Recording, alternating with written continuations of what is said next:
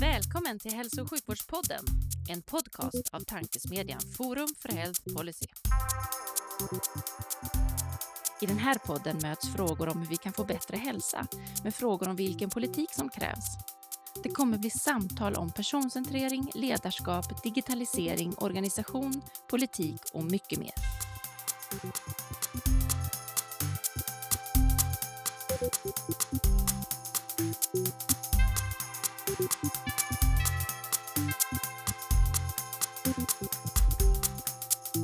Hej och välkomna till ännu ett avsnitt av Hälso och sjukvårdspodden, Tankesmedjan Forum för Health Policies podcast där vi diskuterar de stora frågorna inom hälso och sjukvården med initierade personer från densamma.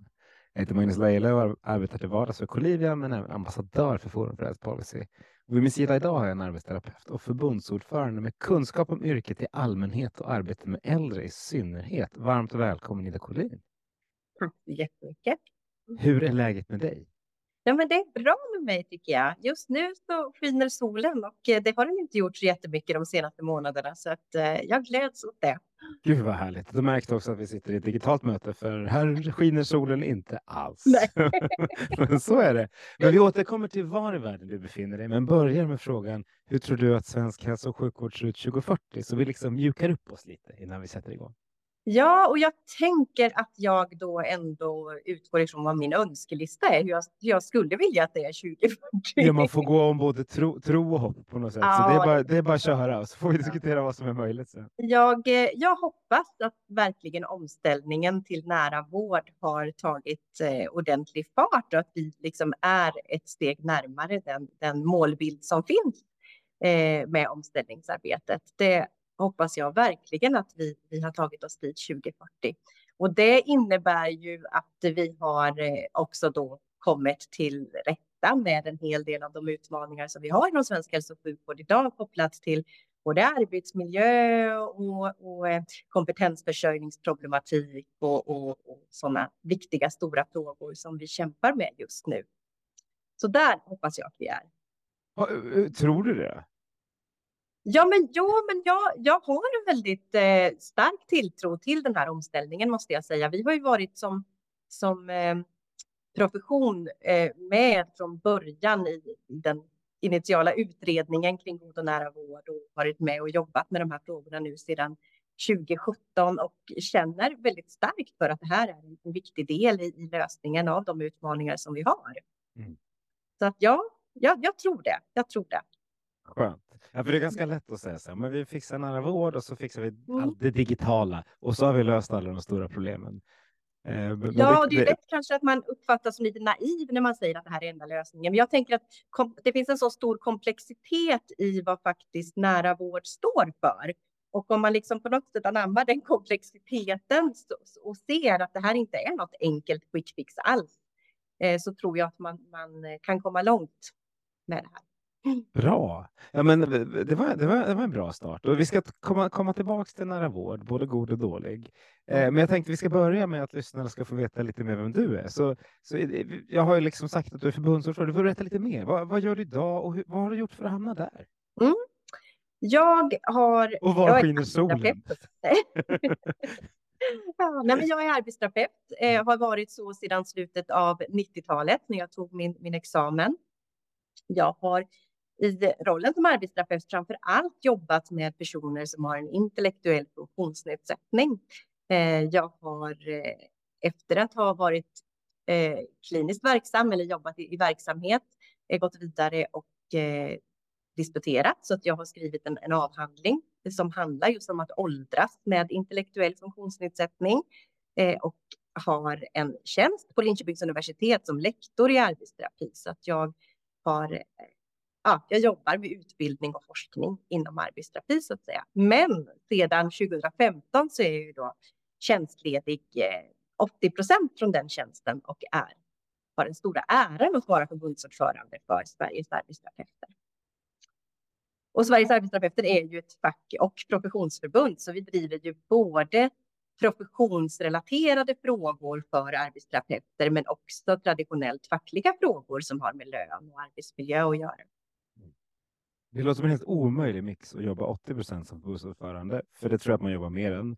Och 20 procent eh, på ett universitet låter också nästan omöjligt, för det tror jag också man jobbar mer än. Hur får du till det där? Ja, men precis. Nej, men vill säga, jag har, på pappret så jobbar jag 20 procent med undervisning eh, på Linköpings universitet och resten av min tid vaken och sovande. Ja. Ägnar jag åt att vara förbundsordförande. nu, nu lät det mer rimligt. Det kändes som det jag hade nästan gissat att det var. Ja. Vad, är, vad, är, vad är de stora frågorna för er? Då? Eh, nej men alltså det, det, är ju många frågor som är stora eftersom vi just har ett sånt här liksom brett, eh, brett spektrum av engagemang i våra förbund. Eh, men, men, jag tänker att omställningen till nära vård är ju en jättestor fråga som vi är mycket engagerade i just nu. Eh, och det relaterar ju till att vi, vi har stora utmaningar när det gäller arbetsmiljö, när det gäller kompetensförsörjning, när det gäller att, att styra verksamheten utifrån eh, vetenskap och beprövad erfarenhet. Eh, så, det, så det är många sådana frågor som är på agendan för oss. Mm.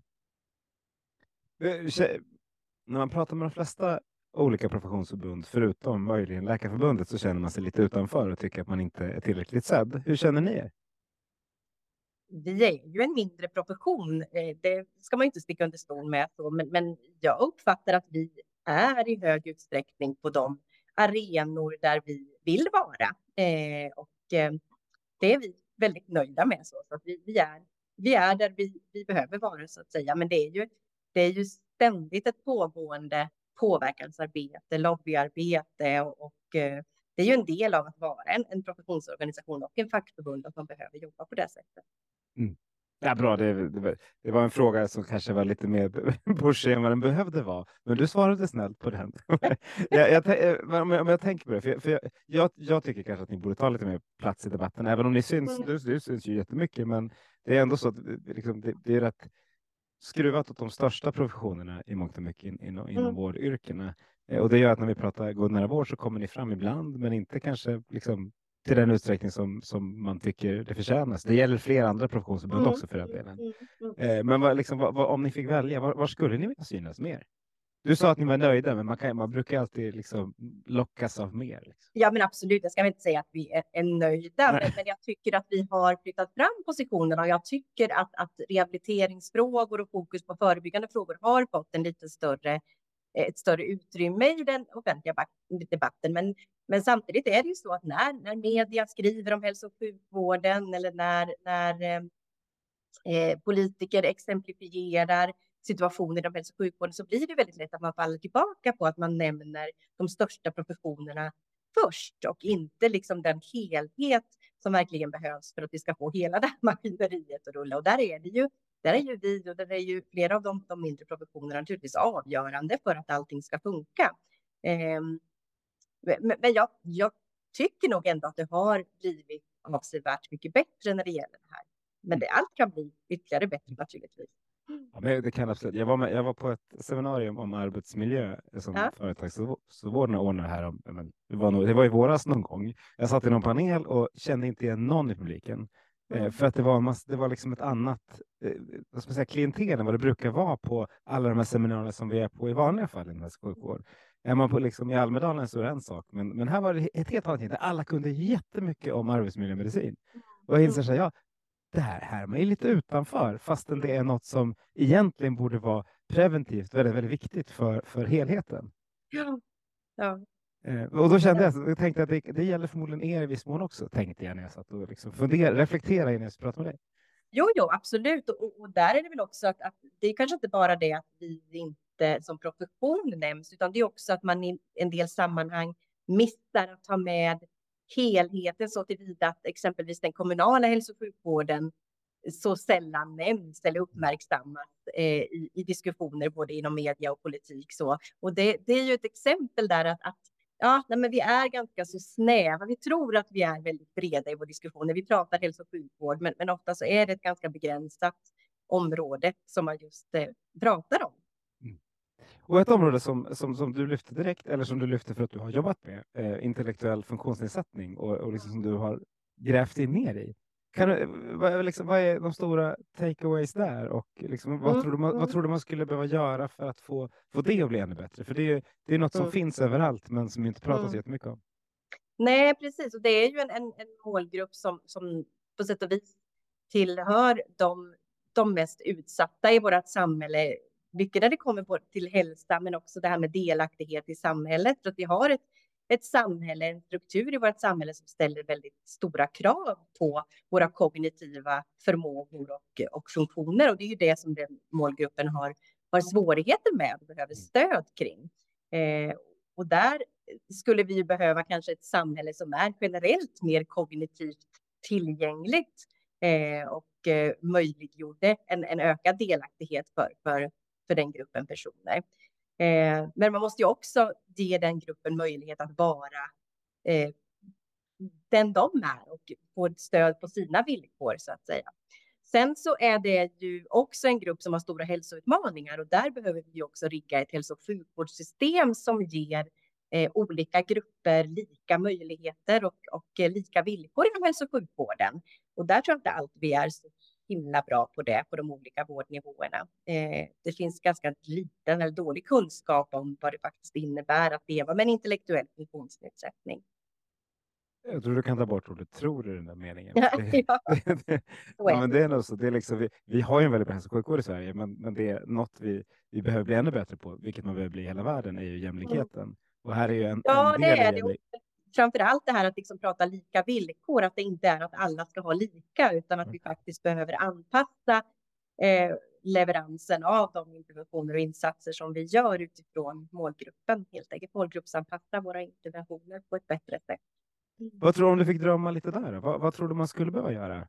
Eh, jag du, du, du får ta på dig hela hälso och sjukvårdshatten här. Liksom. Åh, vad härligt. Nej, men jag, jag brukar alltid liksom relatera till det här med hälsolitteracitet, alltså att det är så viktigt ur ett förebyggande perspektiv, för vi ska skapa jämlikhet i hälsa i vårt system, att vi, vi ser till att, att eh, de personer som vi, vi eh, riktar våra insatser mot verkligen får alla förutsättningar att, att ta till sig eh, eller ja, förstå liksom budskapet bakom när vi pratar om hälsa, när vi pratar om hälsofrämjande och förebyggande insatser.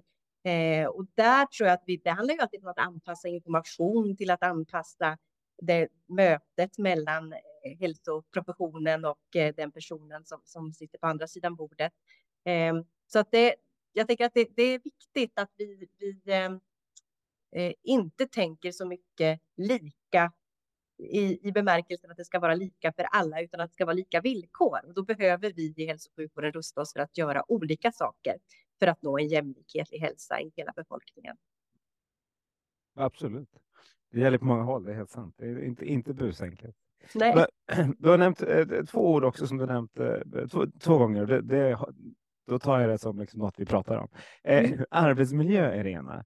Vad, om, om vi nu ska få en så bra arbetsmiljö i en ganska stressad, eh, liksom, på en stressad arbetsplats som hälso och sjukvård faktiskt är. Hur tror du vi ska göra, göra med arbetsmiljön framåt för att få den så, så bra som möjligt, så anpassad efter både medarbetare och patient som möjligt framåt? Vad är det Mm. vi behöver lösa? Alltså en, en stor bidragande orsak till den till en bristande arbetsmiljö, eller de utmaningar vi har i arbetsmiljön idag, det är ju kompetensförsörjningsproblematiken, att vi inte är, det, vi, vi är inte tillräckligt många huvuden och händer helt enkelt i hälso och sjukvården. Samtidigt är det ju så att vi kommer aldrig kunna bli fler än vad vi är idag, för det kommer inte det kommer inte räcka till med de framtida generationer, an, antalet personer i de framtida generationerna som ska jobba inom hälso och sjukvården. Så vi behöver ju tänka nytt där generellt. Eh, så att vi använder de kompetenser vi har på ett, ett smart sätt. Så jag, jag tror liksom att, att tänka kompetensförsörjning ur ett vidare perspektiv än att, att det bara handlar om x antal huvuden. Vi måste också se till att vi pratar om helheten. Hur kompetensförsörjer vi helheten? Vad är det för några professioner som vi behöver för att, att tillsammans ta oss an den uppgift vi har? Eh, mycket när man frågar liksom kommuner och regioner idag om, om har ni brist på vilka professioner har ni brist på? Så utgår man ifrån hur man jobbar idag och inte hur skulle vi behöva jobba framöver för att, att eh, få det här att, att fungera? Eh, om jag relaterar liksom till, till omställningen till nära vård så, så eh, tror jag vi behöver liksom prata mer om att vi, vi behöver liksom en nära vårdsäkrad kompetensförsörjningsplan, inte bara något som utgår från ett nuläge utan ett, ett nära vårdläge. Hur ska det vara framöver för att vi ska ja, kunna ta oss an de här utmaningarna? Men kompetensförsörjningen är, den är avgörande för arbetsmiljön framöver. Men det finns ju andra delar naturligtvis också som är, som är viktiga. Det har ju med alltså det här med att få den fortbildning man behöver exempelvis. Eh, mm. ja, men så är det. Den delen kompetens, fortbildningsdelen, den, mm. det är många som det är väldigt få som pratar om att det är lagom mycket av den. Mm. Eh, utan det, det, är något vi måste göra någonting åt. Det är inte riktigt någon som har klurat ut hur vi ska göra det, även om det finns ju liksom massa tankar. Men, men den mm. andra delen, om man hade haft så mycket personal som vi har i Sverige i, i många andra länder, hade man varit överlycklig. Mm. Vi har ju rätt mycket, både läkare, sköterskor och fysioterapeuter. Mm. Eh, men, men, vi kanske inte använder dem fullt ut så effektivt som man borde kunna göra. Nej, jag, nej precis det är väl det som är en, en, en springande punkt här. Hur ska vi använda våra kompetenser på det absolut bästa sättet? För det är ju precis som du säger att vi, vi kan egentligen inte bli fler. Om vi står i, alltså tittar på helheten så att mm. säga så är vi ju absolut eh, tillräckliga. Men, men, samtidigt så innebär ju om vi ska förändra fokus på hälso och sjukvården behöver vi också fundera på vilka professioner behöver vi mer av, vilka behöver vi mindre av? Och i en mer förebyggande hälso och sjukvård så är ju ändå kanske målsättningen att, att vi inte behöver lika mycket av det som är de senare insatserna, att vi minskar trycket där eh, och istället lägger fokus på det som är förebyggande insatser, preventiva, hälsofrämjande insatser. Ja, exakt. Och jag nämnde med flit inte arbetsterapeuter, för jag vet inte om ni är Det är en kunskapslucka hos mig. Jag vet inte om du mm. tycker att ni är lagom många eller för få eller, eller liksom för många idag. Mm. Jag, mm. vet, jag, jag vet att jag ser att det saknas liksom ja. folk. Men Nej, men det, det, är stor brist på arbetsterapeuter i hela landet. Eh, det, vi har ingen arbetslöshet överhuvudtaget eh, just nu. Det är egentligen rekordlåga siffror mm. eh, för närvarande. Eh, så att det, det, är, det är helt klart så att det behöver utbildas fler, fler arbetsterapeuter. Och det är ju också ett problem det här när man pratar om helheten, att man men det blir väldigt lätt att man tittar på de stora professionerna eh, och utgår ifrån dem. Exempelvis så finns det ju ett nationellt utbildningsuppdrag för, för läkare och sjuksköterskor, men inte för oss andra professioner. Eh, och det är ju något som gör att när det behöver ja, göras justeringar på våra lärosäten, man behöver dra ner antalet platser på grund av bristande ekonomi och så vidare, så blir det ju lätt att det är andra utbildnings, utbildningar som man drar ner på. För man kan inte egentligen minska läkarutbildning och sjuksköterskeutbildning. Så att, så att ja, om man ska se till helheten så behöver man ju verkligen eh, också ge jämlika förutsättningar för de olika professionerna att utbilda tillräckligt många. Mm. Eh, så, så ser det ju inte riktigt ut idag. Så det, det är brist på arbetsterapeuter, absolut. Men vi, men vi har ju också stora utmaningar med, med eh, när det gäller söktrycket till universitetet. Eh, så vi behöver få fler att vilja, vilja utbilda sig inom det här området också, absolut. Och vad är det som gör att man inte utbildas eller att man inte vill söka utbildningen? Är det att det inte är tillräckligt sexigt? Är det att villkoren när man kommer ut är inte tillräckligt bra eller är det inte tillräckligt roligt? Liksom? Vad är det som gör att, att det inte är tillräckligt bra söktryck? Ja, det är den som visste det.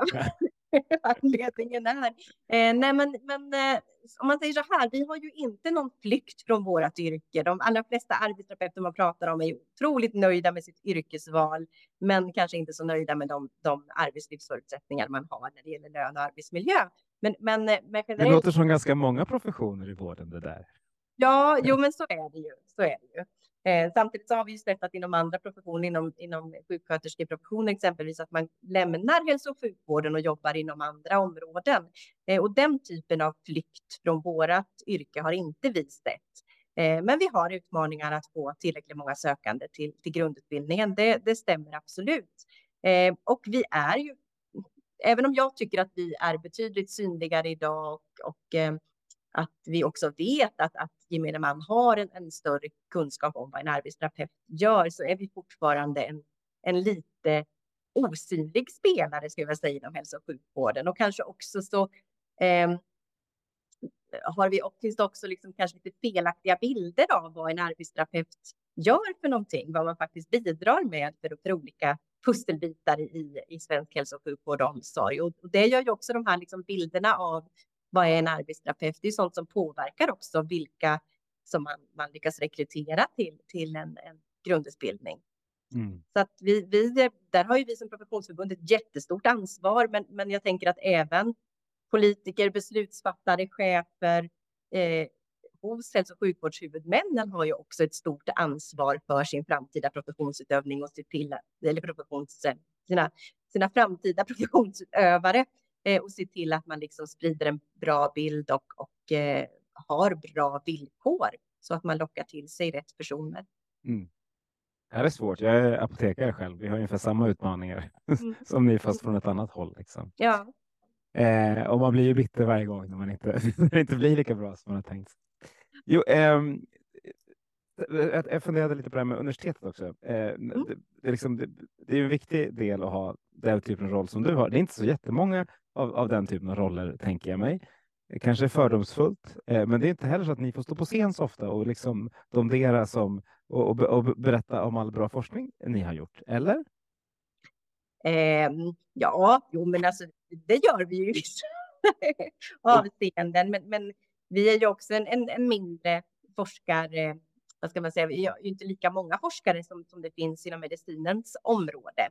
Eh, så det gör vi ju heller inte haft en lika lång tradition av att finnas inom forskning. Den första arbetsterapeuten disputerade ju under 80-talet och sen ja, idag är vi väl en närmare ja, 250-260 kanske eh, disputerade arbetsterapeuter.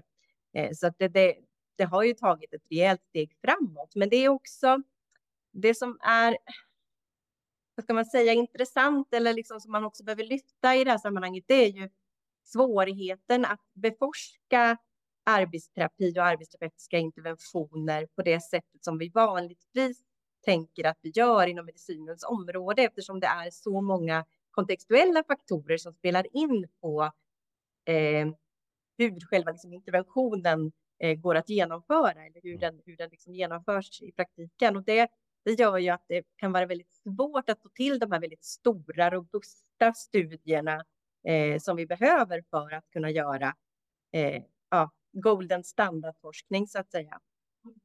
Sant. Nej, jag, bara, jag har noterat att det är fler fysioterapeuter som får vara med och synas i team och som presenterar saker och ting. Men jag har inte sett det lika mycket. Det har väl delvis som du säger att göra med att ni är färre. Men jag tänker också att ni inte har liksom, tagit er hela vägen, hela vägen upp där.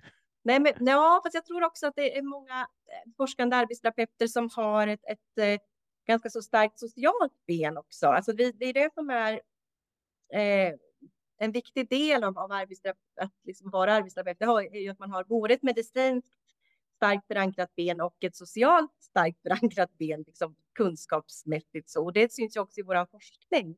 Eh, så många Eh, arbetsterapeuter bedriver ju forskning som ligger kanske lite utanför det traditionellt medicinska området. Man, man, man finns mer inom i ett, det sociala sammanhanget Eh, och syns kanske på de arenorna mer. Eh, väldigt mycket forskning inom arbetsterapi bedrivs ju eh, inom äldreområdet exempelvis och då är det ju det är inte så mycket eh, den geriatriska delen som beforskas utan mer den socialgerontologiska delen eh, som, som är eh, i fokus där då. Mm. Bra, det är skönt att man skjuter ner några av mina fördomar och missförstånd också. Det är precis sånt man behöver prata om. Eh, men vi pratar om, om god och nära vård. Då. Eh, vi hoppas att den blir god och nära. Eh, mm. hur, vad tror du är nycklarna framåt för, för att få det att funka? För vi, liksom, vi, vi pratar mycket om det. Jag håller med, det är jättekomplext och det är, liksom, det är väldigt många saker som måste kugga i för att vi, vi ska få det att funka. Men vilka, tror, vilka ur ditt perspektiv är liksom nycklarna för, för att få det här att fungera? Mm. Alltså det viktigaste är ju på något sätt att vi får bort den här liksom stämpeln att det är någon form av primärvårdsreform, att nära vård bara är liksom att vi kommer till rätta med med eh, primärvårdens problem, utan alltså omställningen till nära vård, den påverkar ju hela hälso och sjukvårdssystemet och därför så också involverar den ju hela hälso och sjukvårdssystemet. Den är lika, lika viktig för, för den specialiserade vården som för primärvården. Eh, så det är ju det här med att, att vi Ja, men det är inte en, en, organisationsförändring vi ska göra. Ja, det kanske det kommer bli då efter. Vi får väl se vad som händer med de utredningar som är igång här. Men, men eh, i första hand så är ju inte omställningen till nära vård en, en organisationsförändring, utan det är ju faktiskt ett, en förändring i mindset. Det är ju någonting vi behöver vi behöver jobba med, alltså vårt tänkande kring hur vi producerar hälso och sjukvård och omsorg i Sverige. Eh, och eh, det är ju ingenting som är en quick fix. Det kommer ju ta jättelång tid innan vi verkligen ställer om. Alltså det kanske handlar om faktiskt en hel generations hälso och sjukvårdsarbetare, professioner som behöver passera innan vi har ställt om det. Eh, så det här, det kommer ju ta tid. Och det är ju de här liksom fokusförflyttningarna som vi behöver göra, att vi blir mer personcentrerade, att vi, vi flyttar fokus från att egentligen tänka eh, organisation och istället tänker det här med person och relation som, det, som SKR brukar använda som, som sätt att beskriva den här omställningen.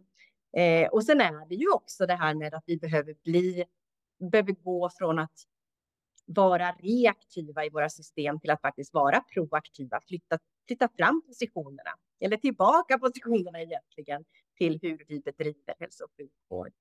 Eh, och det, sitter ju väldigt mycket i våra, våra huvuden det här egentligen.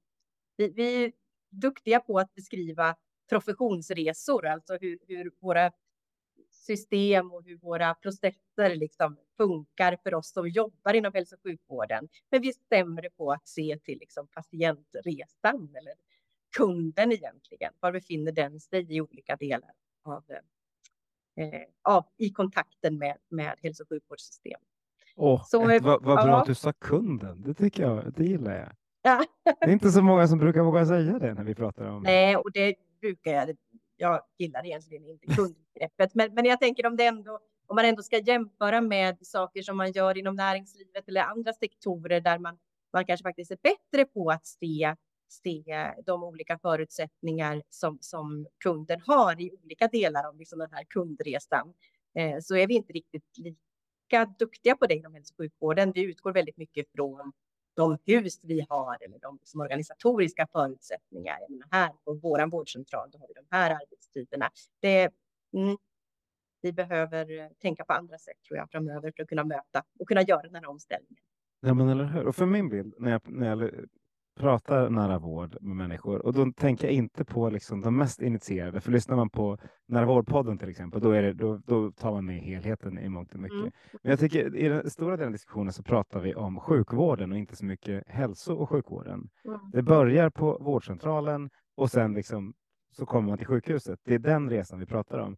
Medan jag, när jag hade förväntat mig att vi skulle prata om det här så skulle det börja på ICA eller Friskis Svettis eller på apoteket. Men de är liksom inte ens med i, i, i, i, i, liksom, i den framtida bilden av det. Mm, mm. Vilket förvånar mig. Är, är det jag som ser fel eller, eller, eller är det något vi kan göra bättre? Nej, men jag tror absolut att det kan göra det bättre och jag är helt övertygad om att det är så vi måste tänka, att det är andra aktörer utanför den traditionella hälso och sjukvården, det som vi tycker idag är den traditionella hälso och sjukvården som, som behöver in här.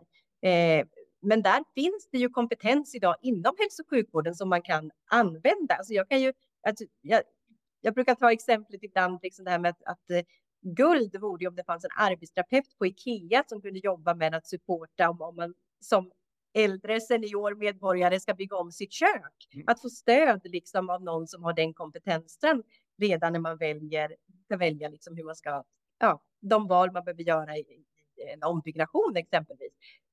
Jag tänker den typen av, av eh, att använda den kompetens som vi redan har idag i Sverige, fast på andra sätt för att nå bättre resultat. Mm. Eh, där, så tror jag vi behöver tänka mycket mer framöver.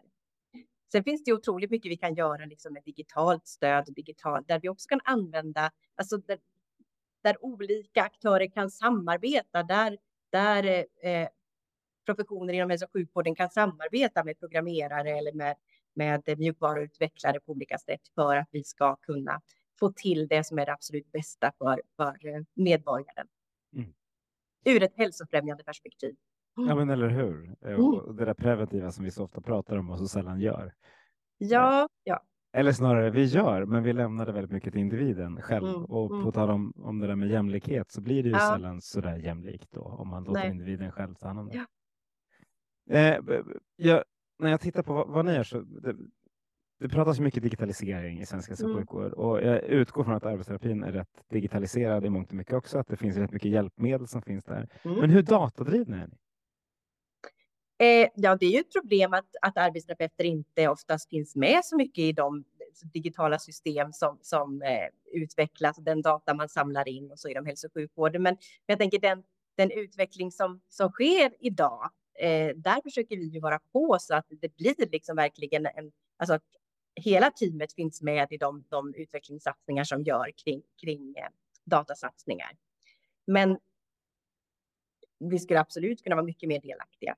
Mm. Det är inte så mycket datadrivna beslut just nu, utan det är mest det, det är beslut av, på erfarenhet och på patientmöten. Ja, ja. Mm. ja men det är det ju. Kom det in ett djur bakom något?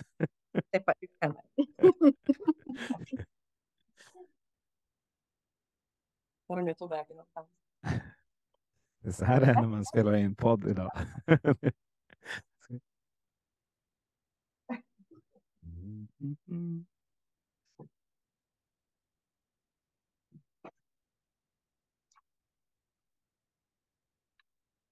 Ja, då fick du en möjlighet att klippa. Ja, men eller hur, det är härligt att ha något att göra. då tar vi oss vidare. Nej, men för, för det var min, min eh, ja, fjortonde fråga. Eh, om eh, de nya vårdinformationsmiljöerna som byggs mm. upp runt om, där man mm. är rätt måna om att kommunerna ska vara en del i det, vilket jag ja. liksom tror är nyckeln framåt. Känner ni att ni är delaktiga och får forma det och, och känner att ni är med framåt i, liksom, i arbetet med det?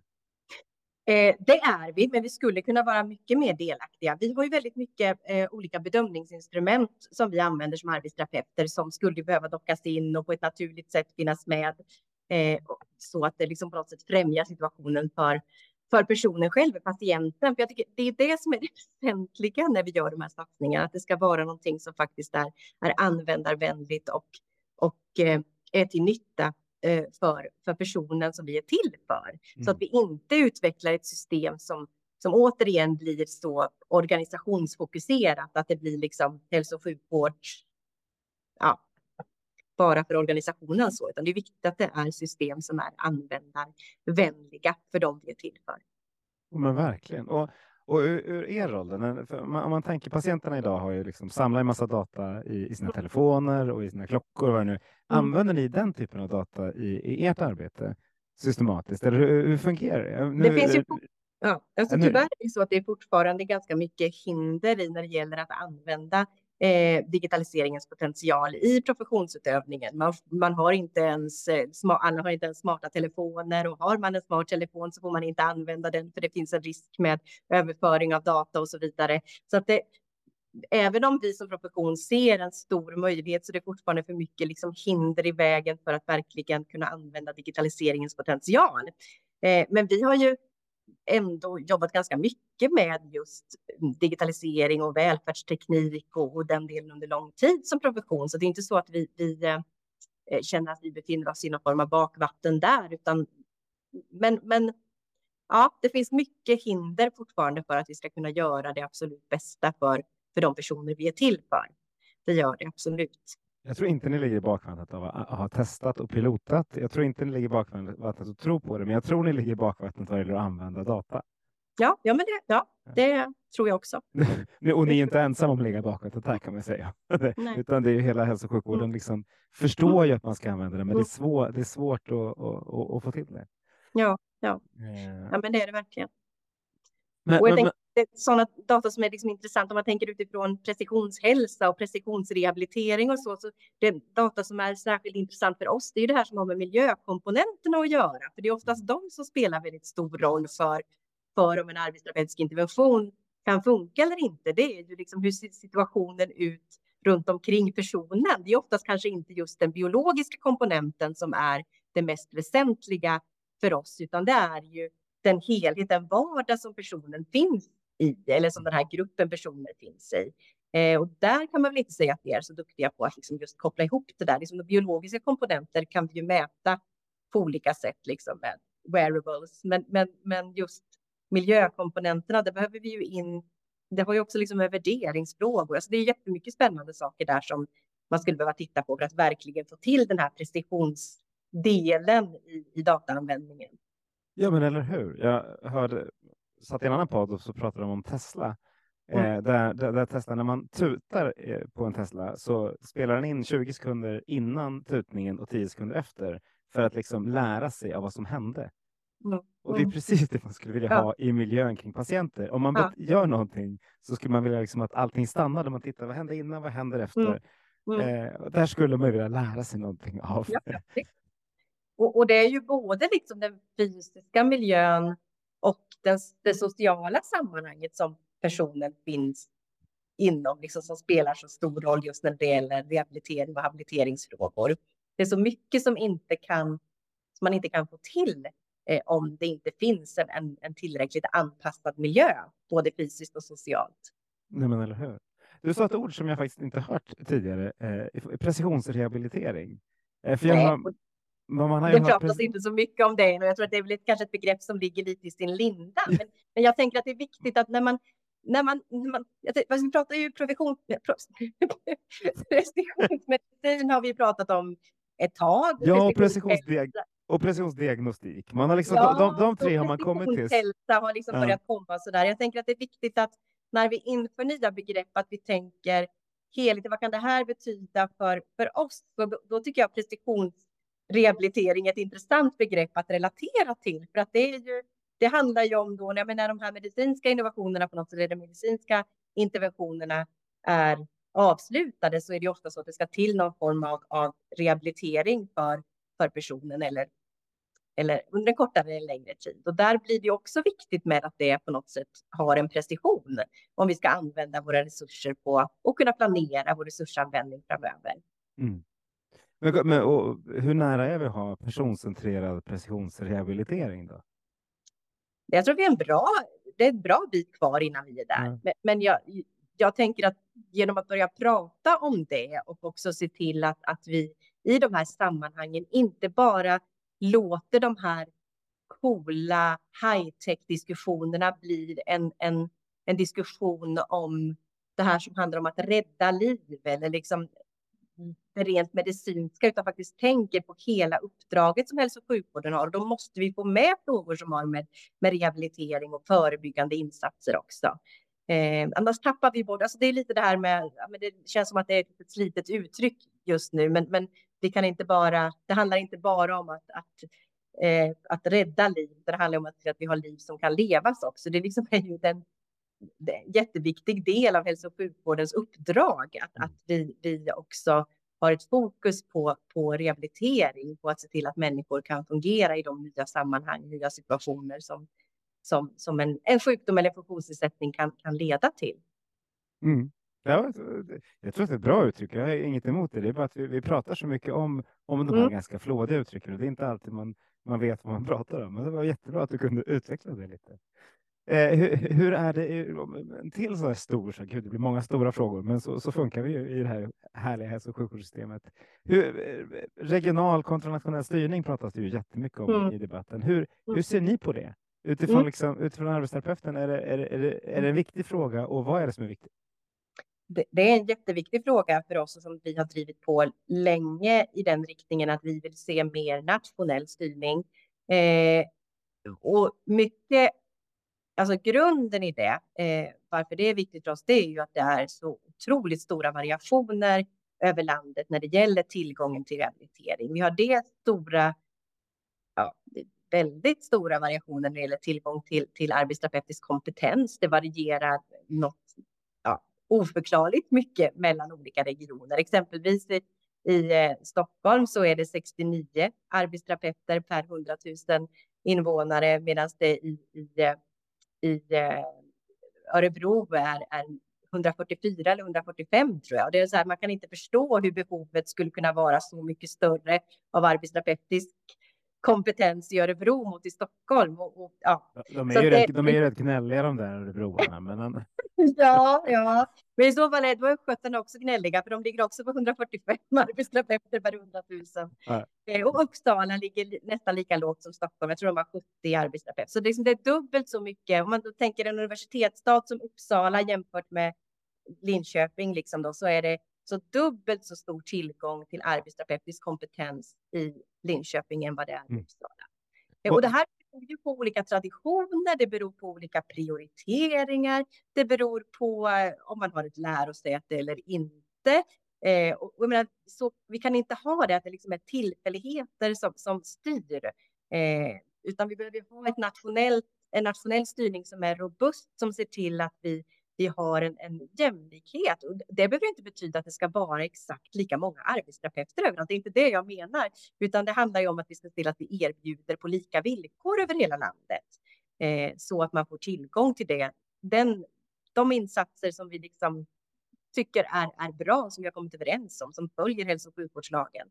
Eh, och det gör vi inte idag tyvärr. Så att ur det perspektivet så behövs det en ökad nationell styrning. Det behöver, man behöver se till att, i, att rehabiliteringsfrågorna alltid finns med i nationella riktlinjer exempelvis. Om vi backar tio år så var det ju ganska så sällsynt med, med eh, i de nationella riktlinjerna för Socialstyrelsen att rehabiliteringsfrågorna kom med.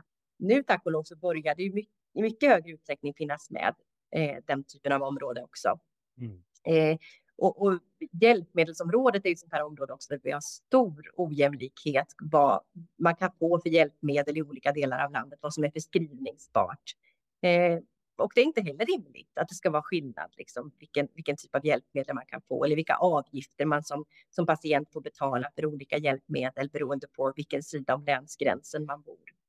Så att eh, det behövs en ökad nationell styrning det innebär inte att vi har tagit ställning för ett, stat, eh, alltså ett statligt övertagande av hälso och sjukvården. Eh, om man tänker utifrån den, den, den eh, statliga utredning som har tillsatts nu av, av sittande regering. Eh, utan jag tror att man kan jobba väldigt mycket med att, att, att se till att man har tydliga riktlinjer som, som eh, eh ja, olika former av riktlinjer, inte bara liksom det vi kallar för nationella riktlinjer, utan annan styrning också nationellt för att öka jämlikheten.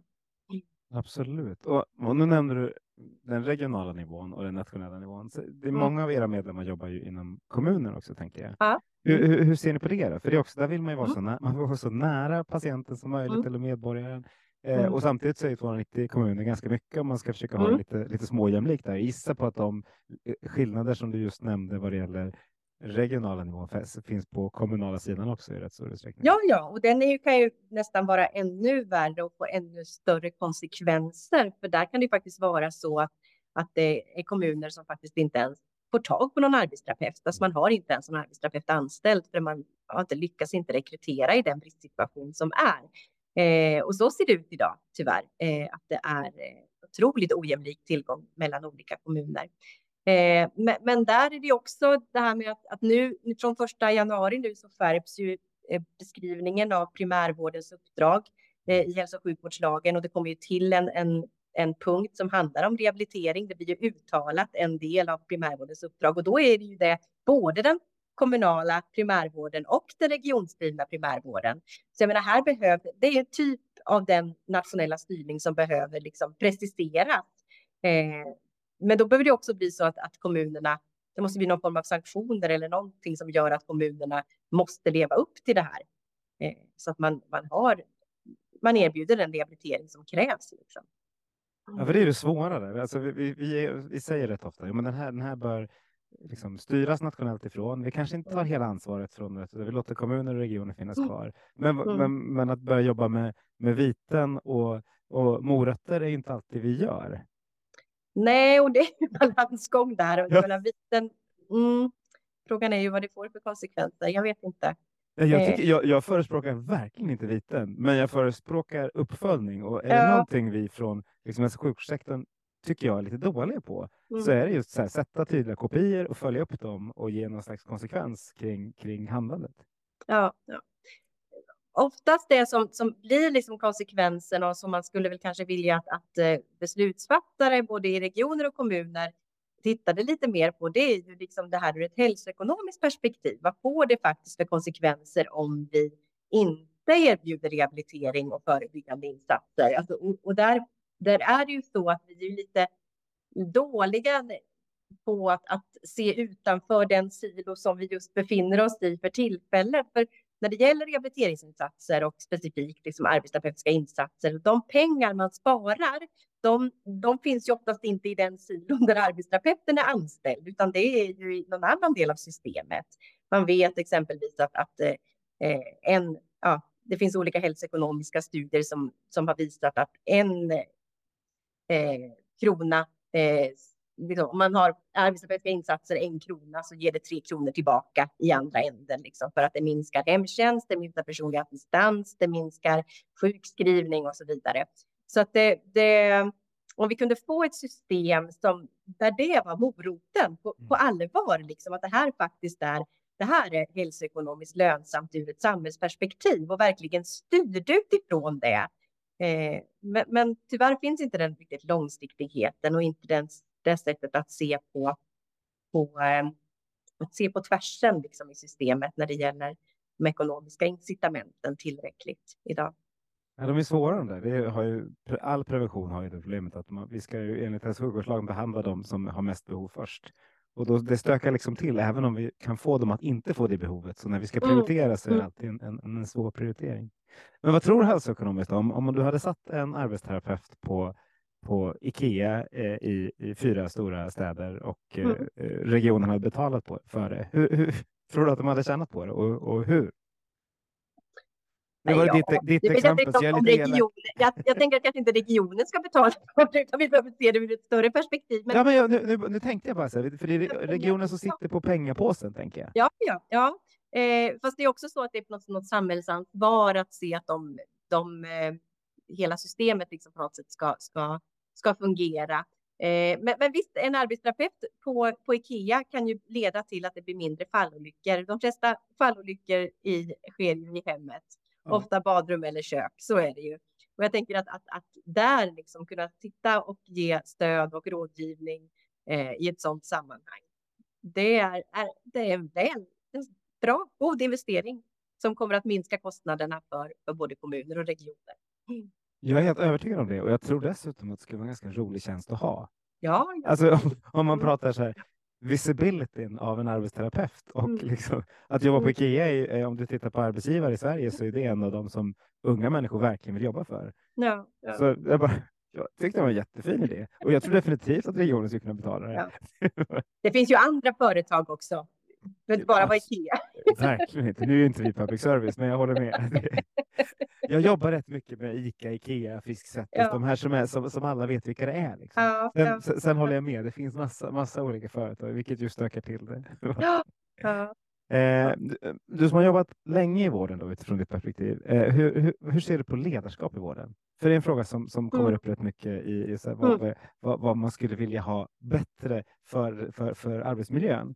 Mm. Hur, hur, ser du på ledarskapet? Ja, men ledarskapsfrågan är ju egentligen kanske den mest centrala när man pratar om, om, om arbetsmiljöfrågor. Och problemet är ju att, att eh, många av våra chefer inom hälso och sjukvård och omsorg har ju alldeles för många medarbetare. Det är ju ett stort problem att, att man har så stora eh, grupper som man, man eh, är chef för, vilket gör att man inte har möjlighet att utöva ett gott ledarskap helt enkelt. Mm. Så det är ju en fråga som man behöver lyfta, att skapa förutsättningar för att kunna vara en god ledare, att kunna jobba liksom för ett hållbart arbetsliv för sina eh, medarbetare. Eh, och det är alldeles för få som har den möjligheten idag, de förutsättningarna. Jag är så fascinerad. Vi pratar om kompetensförsörjning rätt mycket mm. och, och, så, så pratar vi så här, varför vill Eh, personalen inte stanna i vården. Och så är det där en av de mm. stora sakerna som alltid kommer mm. upp. Men det är mm. inget vi gör något åt. Eh, för en, en, annan sån del handlar att du behöver karriärsvägar för folk inom, inom vården också. Och det kan vara samma sak där, om du liksom kan, kan väva ihop dem där. Jag, mm. jag blir inte riktigt klok på att vi inte tar den frågan i större utsträckning. Nej, nej men verkligen inte, för den är ju så otroligt central fråga. Absolut. Eh, och, och, ja, och överhuvudtaget liksom att, att se till att man pratar om vilka förutsättningar behöver man inom hälso och sjukvården för att kunna utöva ett gott ledarskap. Det behöver bli, bli en del av, av debatten på ett helt annat sätt. Eh, men där, det tänker jag, det måste man ju också lyssna till, till professionerna, för man vill ju också ha en tillitsbaserad eller liksom en, en styrning som också bygger på att man har ett stort, en stor tillit till, till professionerna. Det är också otroligt viktigt eh, att det är en del av, av ledningen och styrningen eftersom det är en sån bransch där det är väldigt liksom profession, professionernas kunskap är så central för att, att bibehålla god kvalitet i utbildningen. Så att det, eller inte i utbildningen, i professionsutövningen. Ja. Så att det är ju, ja det finns många aspekter där som är, är eh, centrala att, att, eh, att de skulle behöva lyftas mycket mer tror jag. Mm. Och vi kan nog lyfta, lyssna lite på dem bara genom att se att ganska många lämnar sjukvården och jobbar ja. med annat. Eller, och ja, det, är bara det är ju ett tecken liksom på att det kanske inte helt fun fungerar. Nej, och alltså den, ja, det, det passerar ju ett antal chefer kan man säga. Ganska snabb ruljans. Mm. Det gör det. Nu ska vi inte mm. hänga chefer, även om det är något som är rätt roligt eftersom man behöver liksom ta, ta tag i den frågan. Men mm. hur, hur, ser ett, eh, upplys, hur ser arbetsterapin utomlands ut? Vad, är det något land som sticker ut som så här, stjärnorna som, som ni tittar på med stor med avund? Ja, Danmark skulle jag vilja säga tittar vi väldigt mycket på. Ständigt dessa danskar alltså. Eh, nej, men alltså, man, ur ett internationellt perspektiv så är ju Sverige en av de mest utvecklade länderna när det gäller arbetsterapi. Det ska vi ju inte liksom sticka under stol med. Vi har kommit väldigt långt när det gäller eh, utvecklingen av vår profession, hur vi arbetar, hur utbildningen ser ut och så. Mm. Eh, men men och vi, vi har också en, en hög andel arbetsterapeuter eh, jämfört med många andra länder. Men, men Danmark, de sticker ju ut eh, något otroligt. Där, jag menar, vi ligger ungefär på 12 arbetsterapeuter per, per 10 000 invånare i Sverige generellt. Eh, Danmark, de har 20 eller om det var upp mot 22 arbetsterapeuter. Mm. Alltså, de har otroligt stor tillgång till arbetsterapeuter. Till och med fler än i eh, Örebro alltså? ja, precis. De är motsvarigheten till Örebro.